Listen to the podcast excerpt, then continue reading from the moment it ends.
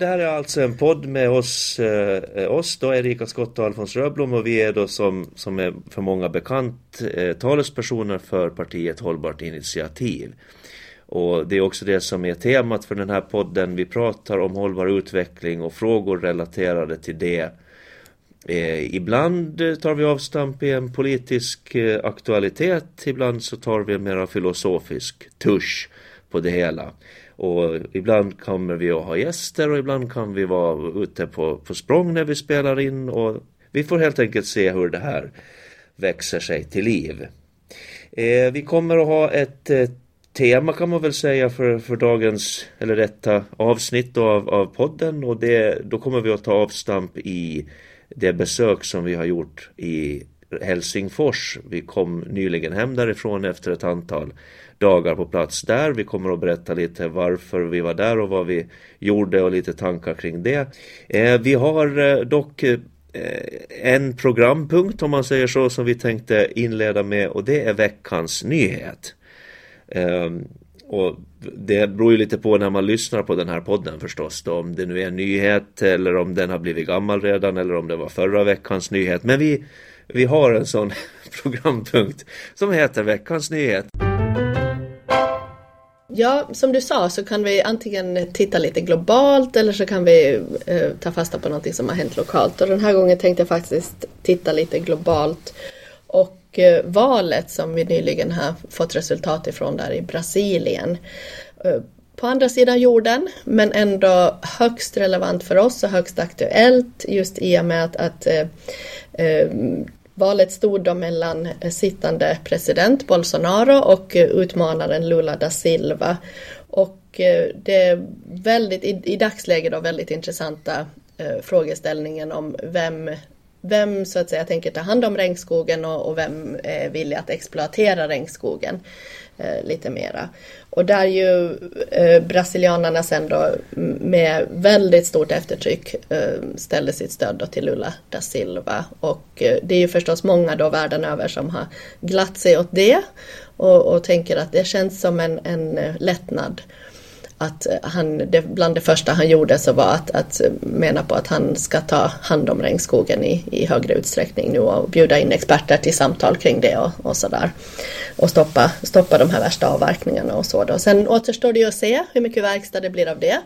När Bolsonaro började den här brutala exploateringen av regnskogen då, för ett antal år sedan så då, då väcktes det ju protester till exempel från andra eh, världsledare. Mm. Och då blev ju frågan, den, den, ställdes ju som så att, att regnskogen och vad, vad som händer med regnskogen är inte bara en fråga som rör Brasilien och brasilianerna utan mm. det rör globalt. Och det, då blir det ju faktiskt, då växer ju en, en intressant fråga att hur mycket ska liksom andra då kunna lägga sig i vad ett land gör med, med resurserna. Mm. Och det är ju inte bara Brasilien utan vi vet ju att Ecuador har jättestora tillgångar både under och ovan jord. Mm. Vad, vad, du, vad, får du för tankar kring det där? Alltså vad, hur ska vi hantera de där frågeställningarna? Ja, men det där tror jag nästan att, att vi på ett sätt får ta som ett helt eget litet poddavsnitt. För där, där finns det väldigt många olika lager och erfarenheter och, och tankar och så. Men lite i stort kan man ju säga att, att det de här sista åren så har det ju väckts mer och mer just det där att, att vem, vem äger resurserna? Kan vi nationellt äga resurser och ta oss friheter att, att exploatera det precis så som vi just då i den tiden i, i, i den, i, på den platsen finner bäst? Eller har vi ett ansvar mot kommande generationer? Har vi ett ansvar mot, mot eh, planeten som så beroende på om det är floder, floder eller regnskogar eller, eller savanner med, med höga värden eller så. Att, att, ehm, och, och, det där tänker jag att det, det sker ju på en global nivå och därur så har ju hela den här eh, rörelsen eh, om naturens rättigheter vuxit sen då de här sista åren. Så det får vi säkert också möjlighet att återkomma till i ett senare avsnitt. Men, men liknande frågeställning finns ju också helt lokalt hos oss. Att, att hur mycket av det jag äger, av den mark, av den natur jag äger, hur mycket av det kan jag helt um, så att säga um, nyttja för egen vinnings skull just nu i den här tiden. Och, och, och har, ja, att föra den diskussionen tycker jag är väldigt spännande. Mm, får jag spränga bort ett berg eller sånt här som ändliga resurser. Ja, ja, tidigare har man ju inte haft eh, något problem alls när man har dikat upp olika marker och sådär för att man bättre ska kunna använda det. Och, och, idag ser vi att vi försöker till viss del återdika vissa flöden och sådär för att vi, vi märker att vi har brutit in i naturens kretslopp på ett sätt som, som inte alltid har varit till gagn för naturens sätt att fungera på bästa sätt. Så, ja. Jag tror att du har rätt i det att det här kommer vi att måste återkomma till i flera poddavsnitt för jag tror att det blev fem, sex stycken uppslag bara där. Ja, bara det ja. ja. ja eller hur. För jag vill bara lägga till där och lite för en anekdot också. Det var att jag, när jag deltog som minister i, i Stockholm plus 50 FN-toppmöte då så um, hamnade jag på en cocktail med Ecuadors miljöminister. Det var för ett halvår sedan ungefär då? Ja, halvår sedan ja. var det då. Ja. Vad sa jag då? Nej, du sa ingenting. Nej. Okay. Jag tänkte bara att det var ungefär, det är i tid så är det. Ja, ungefär ett halvår sedan. Ja. Och då sa, då stod jag och han var väldigt trevlig, en riktig sån här eh, social lirare och vi hade trevligt och vi stod där och tog en drink på Operan i Stockholm och eh, då, då sa han, det var han som berättade till mig att de är i ett sånt läge att de har en av de mest den största mängden biologisk mångfald du kan tänka dig på planeten som finns i det landet samtidigt som det under marken så finns det metaller och sånt som behövs för omställningen. Mm. Och jag tyckte, jag blev fascinerad av det att ja men då, då har, där är ju ett ganska tydligt eh, dilemma. Mm. Att, ja, hur ska han göra? Och då, då vet jag att han pratar om det där att just det här som man också kan förstå fattiga länder ska alltså inte då eh, få exploatera sina tillgångar bara för att de rika redan industrialiserade länderna har exploaterat för mycket. Och då kan det ju bli tal om att kanske vi måste ha någon, någon slags utjämningsåtgärder där då att ekonomiskt ersätta Ecuador för att de då inte exploaterar. Vi är öppna i, i den här podden för inspel också från lyssnare. Absolut. Om det är någonting som man känner att ja, men det, här, det här skulle vi behöva lyfta eller det där skulle vi gärna vilja se att man utvecklar eller så. Absolut, och det, det, vi kommer väl säkert att dela det här på våra sociala medier och då blir det möjlighet att i kommentarerna nedanför så kan man skriva in frågor eller kommentarer eller tips eh, som, som, som man vill att vi ska fördjupa oss i den här podden. Det snackas ju nu om Donald Trump i USA att han ska sjösätta sin kampanj då för att bli president igen 2024. Och då blir man ju bara sådär, trött. Vad trött jag blir. Och bara den tanken att man ska måste se honom igen. Stå där och vejva och gapa fake news och liksom det ena och det tredje. Men den här ganska söndra och härska tekniken som vi har sett honom använda. Så man blir lite såhär, nej, kunde han inte ha hittat något annat att göra liksom. Uh, men att uh, det, det, det, han, han kommer helt säkert att komma in i gamet igen och, och, och, så blir det då för USA att återigen hantera den polariseringen mm. som, som det leder till. Så att det, vi, vi går emot en guppig, guppig tid. Och, och, och, där, kan vi, där kan man också prata om mycket som helst om för att vad är det som sådana ledare som, som Donald Trump exploaterar egentligen och vad är det han använder sig av? Jo det är rädsla eh, det är uppgivenhet, det är konspirationsteorier, det är you name it liksom som bara kastas in för att gagna hans egna syften. Och att, att så pass många människor är mottagliga för det så är det någonting som jag tror att demokratiforskare kommer att behöva slå sina kloka huvuden ihop och se hur ska man hantera det? För att det är det som är så skrämmande med den sortens sätt att föra politik på. Vilket också finns i våra nordiska länder och Europa förstås. Och, mm. och så här att det också i våra nordiska välfärdsstater så finns den sortens strömningar. Och, och de är ju i, i ganska allvarliga hot mot liksom, demokratin och de demokratiska samtalen. När man blandar eh, fakta med åsikter och hittar på egna saker. Och, ja, men det, det är mycket som pågår där som är, lite eller som är ganska skrämmande faktiskt. Ja, och, ja vi ser ju det också att, att USA på något sätt leder vägen där i, i det här polariserade eh, klimatet som ändå är i en demokrati. Men, eh, och, och, där man tänker kanske i ett visst skede att nu kan det inte bli så väldigt mycket sämre. Nu behöver det börja vända. Någonstans hade nått botten och nu, nu, måste, eh, nu måste man se att, att eh, det finns bara en väg framåt och det är att hitta, hitta liksom en tredje väg istället för de här två, två polariserade hörnorna.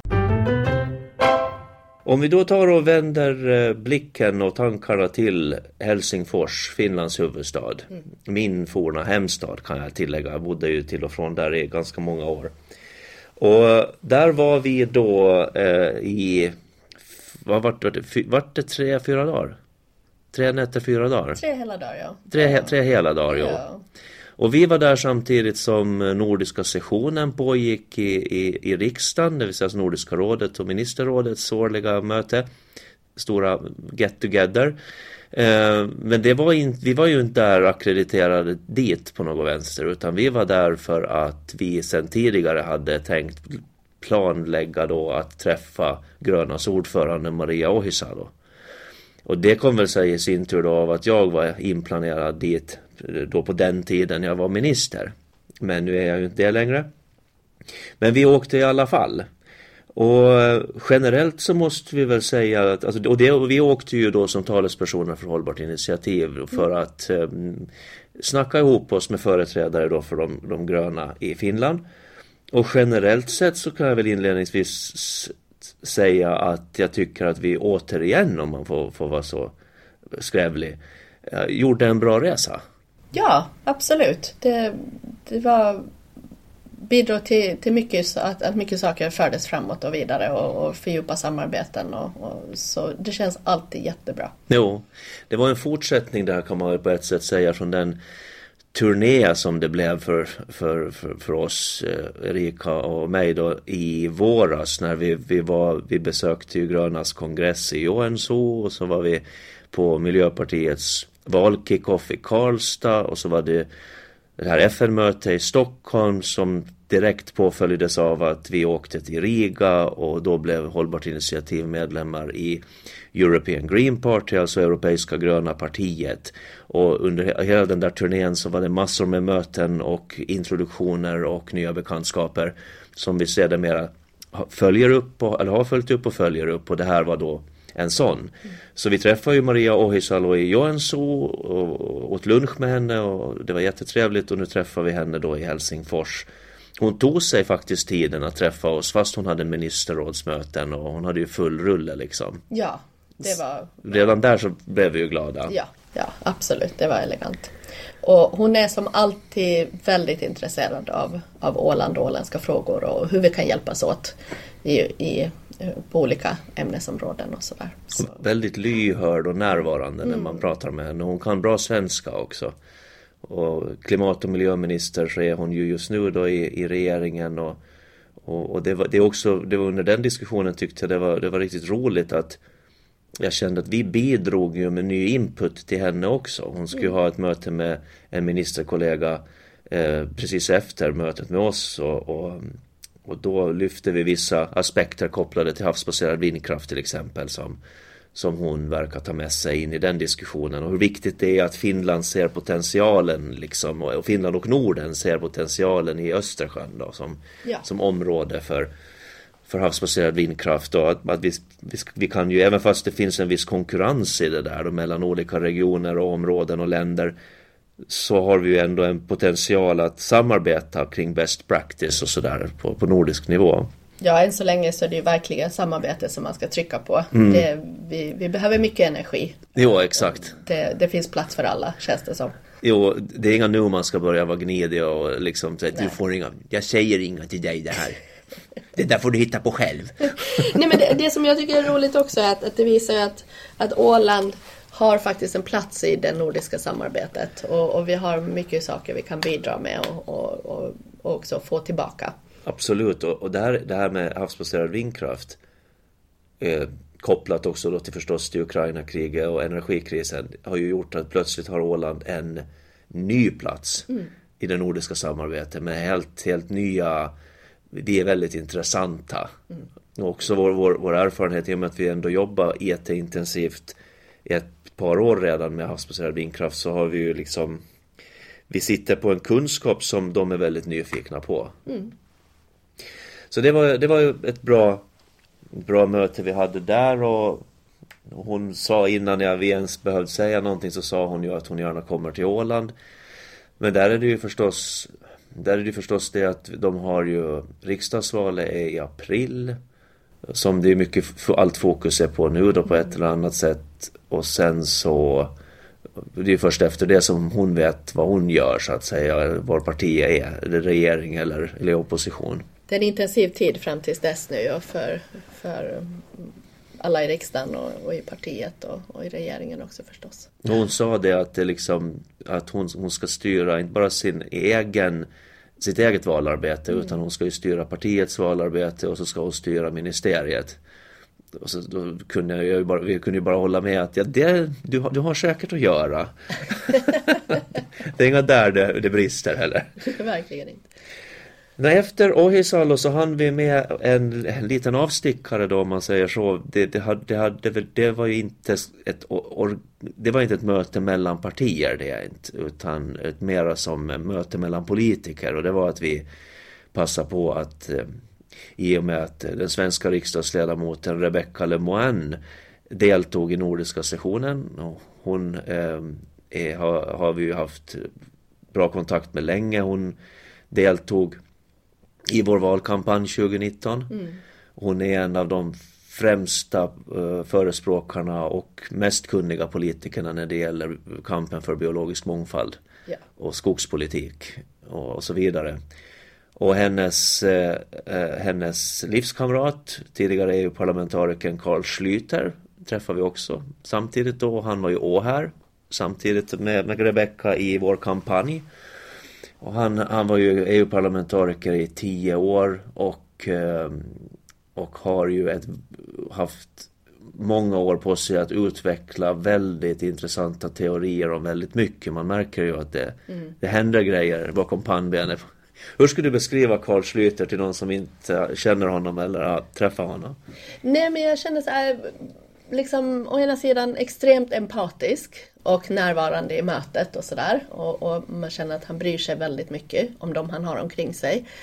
Och å andra sidan en sån superbriljant hjärna och eh, verkligen någon som har tänkt till kring de här utmaningarna med hållbarhetsarbete och, och som har varit så länge mitt i smeten och, och verkligen i de svåraste, största frågorna. Och, och ändå har, har en sån glädje och, entusiasm kring att, att fortsätta arbeta på olika sätt. Så han är ju nu, från att ha varit väldigt engagerad som politiker inom Miljöpartiet på, på många olika sätt, så har han nu gått vidare till Greenpeace. Och efter det så, så slöt vi, då gick vi tillsammans med Karl och Rebecca så tog vi en, en skön bensträckande promenad från, från mötesplatsen till De grönas eh, partikansli.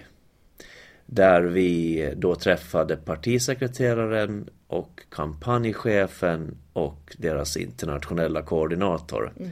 Eh, och det mötet så handlar ju rakt upp och ner om just hur vi ska samarbeta i de kommande valen. Ja, vi nämnde finska riksdagsvalet och så småningom har vi ett lagtingsval här. Men om vi tittar ännu lite längre fram. Vilket vi ju gör i HI, för vi tittar långsiktigt. Vi ser långsiktigt på, på de flesta frågor. Så då har vi ju så småningom sen i början av 2024, januari, där har vi ett kommande eh, presidentval. Och sen ännu några månader efter det, in i juni där, så har vi ett EU-parlamentsval också. Så, så det, man har möjlighet att, att, tycka till på många olika nivåer det här kommande ett och ett halvt året. Och vi brukar ju prata om att, att omställningen till ett hållbart samhälle så görs ju på alla nivåer samtidigt mm. och eh, det ska ju hänga ihop. Det är inte bara politiken politiken på en nivå som ska hålla ihop utan det ska också hålla ihop mellan nivåerna. Och, eh, det finns idéer som säkert kan vandra mellan också liksom. Man ska ta, ta med sig i, i de olika forumen. Och eh, jag måste ju säga att det var ett, ett väldigt trevligt eh, möte på det viset att, att vi, det var respektfullt. Alltså vi, de, de, de behandlar inte hållbart initiativ som någon slags eh, grön lokalavdelning till dem heller utan det var ett helt tydligt två partier, jäm, jämnbördiga partier som diskuterar hur vi kan samarbeta. Mm.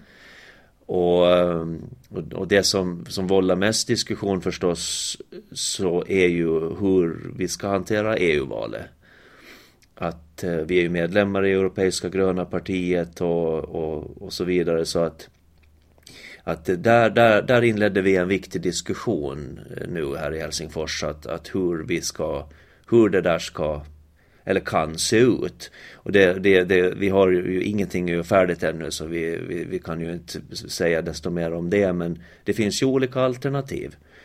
Så, så det, det, det, där pågår, det där är en ständigt pågående diskussion men det som vi alltid, du och jag, alltid framför när vi, när vi talar om EU i, i alla sammanhang utanför Åland så är ju det att vi kräver den här EU-parlamentsplatsen. Att det är ett åländskt krav. Ja, absolut. Och, och vi, vi, ska fortsätta prata för det också. Ja. Och att det är jätteviktigt eftersom vi har gett ifrån oss lagstiftningsbehörighet och möjligheter och sådär till EU. Så det är jätteviktigt också då att vi ska ha den representationen. Så det oberoende vägar framåt så är det ju det förstås som, som ligger oss också väldigt nära. Och där märkte man ju för när vi var i, i Joensuu då så då fick ju, då på förslag från Hållbart initiativ så tog ju Gröna i Finland in för första gången en skrivning om Åland i sitt eh, partiprogram. Där, där man jobbar, där man då säger att man ska jobba för utvecklingen av Ålands självstyrelse och för, för eh, för demilitariseringen. Mm. Och det var ju jätteviktigt för oss då naturligtvis med tanke på NATO-diskussionen att att ett regeringsparti som ju det gröna är skulle ta den skrivningen för att det, då hade det cirkulerat en hel del diskussion om det där med demilitariseringen i relation till NATO-medlemskap och det ena och det tredje. Så vi tyckte att vi, där tyckte jag faktiskt, där gjorde vi en insats för Åland faktiskt med att få med dem på det. Mm. Ja, och det, och det, var ju ingenting som, som bara slank igenom så. Utan det, de hade en diskussion och det, det fanns olika tankar och åsikter. Så att den frågan lyftes verkligen på deras partikongress också. Mm. Um, och, och sen beslöt man ändå att det är i den här riktningen man vill gå om man vill. För det, det är ju där, just med EU-parlamentsplatsen också, Ålands eh, rätt till EU-parlamentsplats. Så det, där märk, det märks ju tydligt att det är ju väldigt mycket att informera och eh, skapa förståelse för det. För folk vet inte ens, vad ska Åland ha en, varför ska Åland ha en egen EU-parlamentsplats? Och så förklarar vi. Och så förstår de. Mm. Och så träffar man nästa gäng och så måste man förklara och så förstår de. Och det, det gäller ju, det är, det är mycket, det vet vi ju att det är mycket när det är Ålandsrelaterade frågor som, där det är sådär. Att vi måste informera, informera och informera igen. Och, och öka förståelsen på det sättet. Och, där är det ju så häftigt med, med det samarbete vi har nu med gröna partier runt om i Europa och, och, och i Finland och Sverige förstås så är ju det att det är första gången som Åland har eh, den kontaktytan genom mm. oss då till de gröna partierna. Det har inte funnits på samma sätt. Nej, och det, och det är en stor rörelse i Europa och det jo. märkte vi också på, på kongressen i Riga. Det ja. fanns också ett stort intresse och en nyfikenhet att, att uh, få reda på mer och sådär. Och det är klart, alla sådana kontakter och allt sånt så stärker ju sen bilden av att, att Åland också behöver den här representationen. Jo. Eh, anekdot där är ju att HI eh, blev ju medlemmar i Europeiska gröna partiet samtidigt som Progressivie. Progressivie. Jo. Eh, det är alltså lettiska, lettiska gröna partiet. Och Antonina Nenaseva som, som var deras karismatiska partiledare så hon ledde ju partiet till en valvinst här i, mm. för ett antal månader sedan. Så det var kul att se. Vi besökte ju inte bara politiker utan vi, vi gjorde också en avstickare till det nya fantastiska biblioteket Åde. Ehm, jag har, har, varit där och trynat förut en gång men det var första gången för dig Erika. Och eh, det födde många tankar och eh, idéer som vi tänkte att vi skulle dela med oss i nästa podd därför att det, är, det kräver helt sitt eget avsnitt. Men eh, bara som en liten teaser och cliffhanger Erika, om du, skulle kunna, du kan väl säga liksom vad är dina spontan, vad var dina spontana tankar när du såg huset och när vi kom in där och vad, vad var det som föddes och, och vad är det som vi kommer att fördjupa oss i nästa poddavsnitt? Spontant så blev jag lite, jag har ju hört mycket och jag har till och med sett dina bilder därifrån och, och även om inte du och jag har pratat och diskuterat jättemycket men, men det har ju ändå, jag har läst artiklar och, och sådär va. Så att det, det var ju inte på det sättet som att det var någon chock eller något nytt men, men spontant blev jag ändå överväldigad, även om jag visste lite vad jag hade att vänta så blev jag ändå lite överväldigad av dels hela arkitekturen och, och sen liksom också det enorma innehåll som presenterades på olika sätt som vi får gå in på lite mer nästa gång. Men, men det som liksom ut ur det, det så stiger det upp liksom en känsla av mod och kreativitet och framåtanda. Och ja, så det, det är det som, som liksom har stanna liksom hos mig. Sånt som tangerar också många aspekter av hållbar utveckling och hållbar konsumtion och sånt här. Kanske. Ja, eller hur. Det är det att, att liksom våga tänka nytt, våga göra annorlunda, våga ta ställning. Lite så. Ja. Det där var en teaser och, och, det kommer att bli en intressant diskussion i vårt nästa poddavsnitt där vi fördjupar oss i det och där vi också kan fördjupa oss lite i det som, som kollegan Simon Holmström eh, är väldigt nöjd med från själva sessionen i, i nordiska sessionen. Mm. Eh, det vill säga just att ta, han, han fick igenom och, och, och var väldigt glad åt ett initiativ att, att samarbeta nordiskt kring vilken roll biblioteken kan ha och hur biblioteken kan utvecklas. Mm. Speciellt i ett cirkulärt samhälle I, i och i en cirkulär ekonomi och, och just med, med, den bakgrund biblioteken har kring lånetjänster och liknande. Så, så vi kopplar ihop de här ja. två diskussionerna. I, nä, i nästa poddavsnitt. Ja, ja. En sån här ska vi säga som kanske blir en återkommande liten karamell också. Så det har rubriken Vad har fastnat i veckan? Och det är alltså en sån här programpunkt där vi, där vi delar med oss av någonting som vi inte riktigt som vi har hört eller läst eller snubblat över och som har fastnat, fastnat då, som vi säger i, i huvudet och, och stör eller, eller gläder eller, eller på något vis sprider irritation eller lycka. Och eh, vad som har fastnat för mig, så det är faktiskt den, svensk, den nya svenska statsministerns regeringsförklaring som vi hörde här för ett tag sedan. Eh, som jag uppfattade, där han i princip sa då att, att svenska regeringen de vill ha mer kärnkraft och så vill de göra det dyrare och svårare att etablera havsbaserad vindkraft. Och då, min följdfråga då direkt är det att okej, okay, om du verkligen tror på kärnkraft, att det är jätteviktigt att ha det nu då, att, vi, att det behövs mera och sådär. Många andra säger ju att det det är både asdyrt och tar jättelänge och det är inte hållbart på något sätt. Var kommer uranet ifrån och så vidare och så vidare. Jo, mm, Ryssland eh, till exempel och så här bla bla bla. Eh, men även om man då tycker att kärnkraft, att bygga ut kärnkraft är viktigt och bra. Varför måste man i samma andetag försvåra för vindkraften? Som är en nordisk eh, naturresurs. Vinden är en nordisk naturresurs. Vi har alla möjligheter att liksom få massor med förnybar energi från vindkraft.